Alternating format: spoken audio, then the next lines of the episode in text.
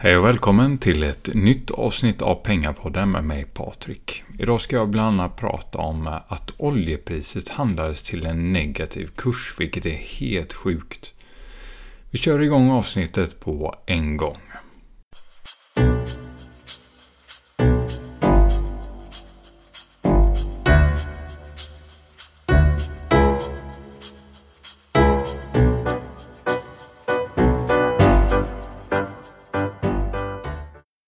Marknaden är verkligen extrem nu för tiden med stora rörelser där vi har haft snabba börsnedgången och snabba uppstudsen. Men kanske den sjukaste rörelsen har varit i olja. Där allt började med priskriget mellan Ryssland och Saudi och priset rasade ner till väldigt låga nivåer. Det är så att eh, terminskontraktet i maj för VTI-oljan löper ut tisdagen den 21 april. Med tanke på att vi är mitt i coronakrisen där efterfrågan på olja har minskat kraftigt.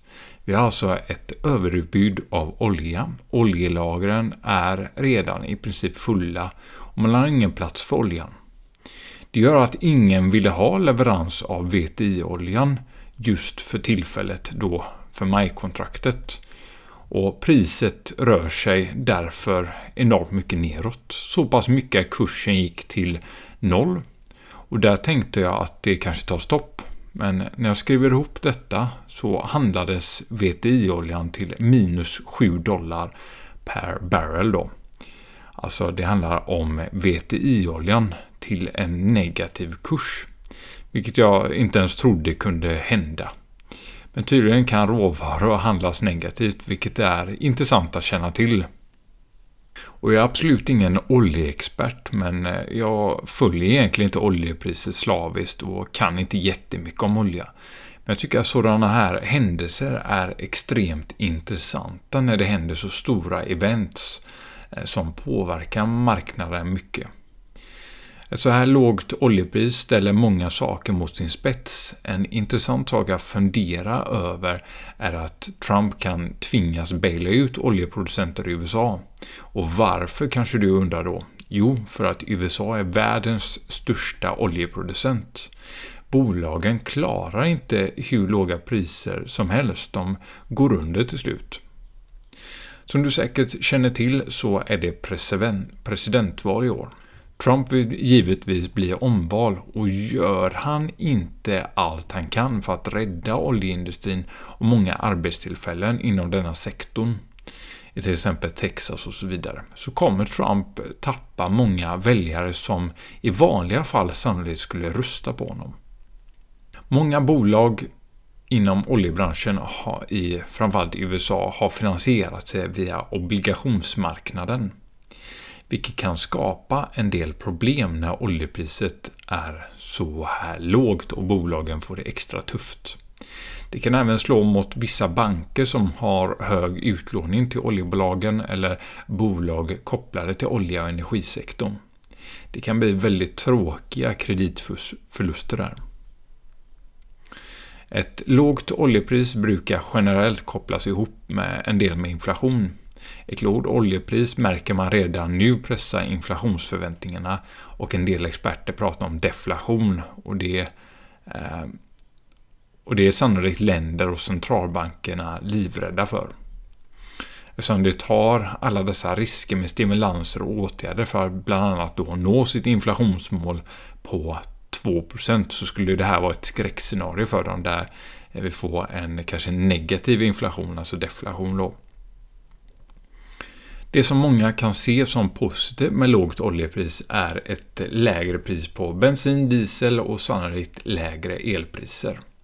Men i Sverige har vi höga skatter på drivmedel och så vidare så eh, det får kanske inte enormt genomslag för oss svenskar på den fronten. Men vissa amerikanare med sina stora trucks tjoar nog lite extra när de tankar bilen. Trump har även uttalat sig nu att han vill faktiskt rädda oljebolagen och alla arbetstillfällen. Hur han ska göra detta är dock oklart. Ett förslag har varit att USA ska köpa eh, till exempel 75 miljoner fat och lagra, eller ha det som eh, lager helt enkelt. Eh, ett annat förslag har varit att betala oljebolagen för att behålla oljan i marken. När och om priset sedan går upp så kommer oljebolagen tjäna mer pengar och kan betala tillbaka de här pengarna. Jag skulle säga att det låter kanske lite enklare sagt än gjort där. Vi lämnar nu Trump och oljesektorn och går vidare till rapportperioden som har kommit igång just nu, vilket är väldigt roligt. Det finns verkligen en sak jag blir förundrad över, eller fundersam över, och det är rapporterna som har kommit in hittills har varit rätt blandade, men det jag kanske förvånas mest över är egentligen att folk blir positivt överraskade kring rapporterna. Och jag vet inte riktigt vad folk hade förväntat sig. För det, är i princip de kanske två sista veckorna i mars som har haft eh, stor påverkan för många bolag inom till exempel industrin och så vidare. Det är alltså totalt cirka 12 veckor på ett kvartal. Alltså 10 veckor av dessa har generellt sett eh, väldigt bra ut för många bolag. Två av veckorna har sett rätt dåligt ut för många bolag. Ändå verkar folk bli positivt överraskade av rapporterna. Där folk tänker ”puh, vinsten eh, halverades inte i Q1. Och Det är ju svårt att säga för vi har ju knappt sett någon påverkan i rapporterna kopplat till Corona. Det som snarare är intressant med rapporterna är vad bolagen säger framåt in i Q2 och kanske Q3. Det är där vi verkligen kommer att se hur bra eller dåligt det faktiskt är. Handelsbanken kom med rapport onsdagen den 22 april. Den kom in över förväntan och aktien steg eh, ungefär 8% om jag inte minns helt fel. Så det är många som sannolikt har haft en låg förväntansbild på många bolag det verkar även som många analytiker har legat väldigt snett med estimat i vissa bolag. Och det tycker jag säger en hel del om marknaden. Att de, man har ingen aning om vad man ska vänta sig. Eh, det är så osäkert just nu hur stor påverkan coronakrisen får på ekonomin och på bolagen. Volvo AB kom med rapport den 23 april. Eh, den var faktiskt en bra bit över förväntan gentemot analytikernas estimat. Det skilde faktiskt en hel del eh, mellan estimatet och utfallet. Däremot såg orderingången inte lika ljus ut. Där de sista två veckorna i mars var nettoorderingången faktiskt negativ. Där kunder avbokar sina beställningar och man blir mer försiktig helt enkelt. Eh, har man en lång sparhorisont på många år så är det kanske inte så relevant för många vad som händer kortsiktigt eller på medellång sikt. Utan eh, man fortsätter att månadsspara och gör säkerligen helt rätt i det. Jag tänker att vi går vidare lite och går in mer på sentimentet i marknaden just nu. Vi ser att det är väldigt stora eh, tillströmningar av kunder eh, hos Avanza och Nordnet i Q1 hela 90 000 nya kunder för perioden januari till mars för Avanza och Nordnet tillsammans då. Motsvarande period förra året var det 29 600 kunder. Så det är alltså en markant ökning. Och Det finns väldigt mycket kapital i systemet. Tillgångspriser har ökat kraftigt på tillgångar såsom aktier och fastigheter de senaste åren. Vi ser stora inflöden på den finansiella marknaden där många småsparare månadssparar. Vi ser fondinflöden och alla dessa pengar måste ta vägen någonstans. Med tanke på att räntan är så låg så jagar investerare avkastning.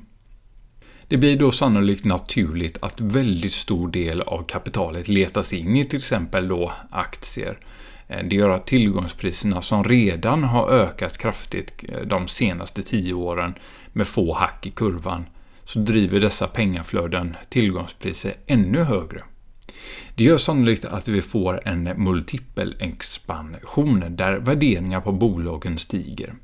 Inte kanske för att utsikterna för bolagen kortsiktigt ser fantastiska ut, utan för att alla dessa pengar ska ta vägen någonstans. Vi ser just nu att kanske den värsta krisen vi har sett på väldigt länge, eller kanske någonsin. Vi har sannolikt aldrig sett att så många länder stänger ner samtidigt, där företag stänger igen under en period och ekonomin i princip stannar av eller minskar kraftigt under en period. Börsen är ner cirka 14% i år när detta avsnittet spelas in. Det kanske inte riktigt speglar den krisen vi faktiskt befinner oss i just nu. Visst skulle ekonomin göra en V-återhämtning, alltså rakt upp, så kanske det är befogat med minus 14%. Men marknaden prisar just nu in ett väldigt optimistiskt scenario. Eh, sanningen är den också att kanske att marknaden, eller egentligen kanske ingen vet exakt när man kan öppna upp länderna och ekonomin igen. Vilket gör att det blir extra svårt att veta exakt hur marknaden ska prisa in detta. För inte ens länderna själva vet när man på riktigt kan börja öppna, upp igen. Och då är det väldigt svårt för marknaden att veta hur man ska prisa in det som händer just nu. Marknaden är ju framåtblickande. Man tittar på en period framåt och blundar för det som händer just nu och hoppas att den framåtblickande vyn ser mer ljus och positiv ut helt enkelt. Vilket då återstår att se. För det är alltid lätt i efterhand att se hur det har gått. När man är mitt i det eh, är det svårt att få en bra överblick över läget. Därför är det omöjligt att försöka sitta och tajma marknaden. Har du en lång tidshorisont så fortsätt månadsspara och över tid kommer du sannolikt få ett bra genomsnittligt inköpsvärde och har goda möjligheter att göra bra affärer. Och där sätter jag punkt för dagens avsnitt. Jag hoppas du tyckte det var intressant och jag hoppas du har fått lite olika infallsvinklar på det jag pratat om idag. Där du kan få en tankeställare och försöka förstå olika perspektiv av marknaden. Vilket kan göra att du kan få, eh, alltså öka din marknadsförståelse. Tack så mycket för att du lyssnar på Pengarpodden. Som vanligt, om du vill komma i kontakt med mig når du mig på mejlen kontakt pengarpodden.se eller pengarpodden på Instagram. Ha det gött!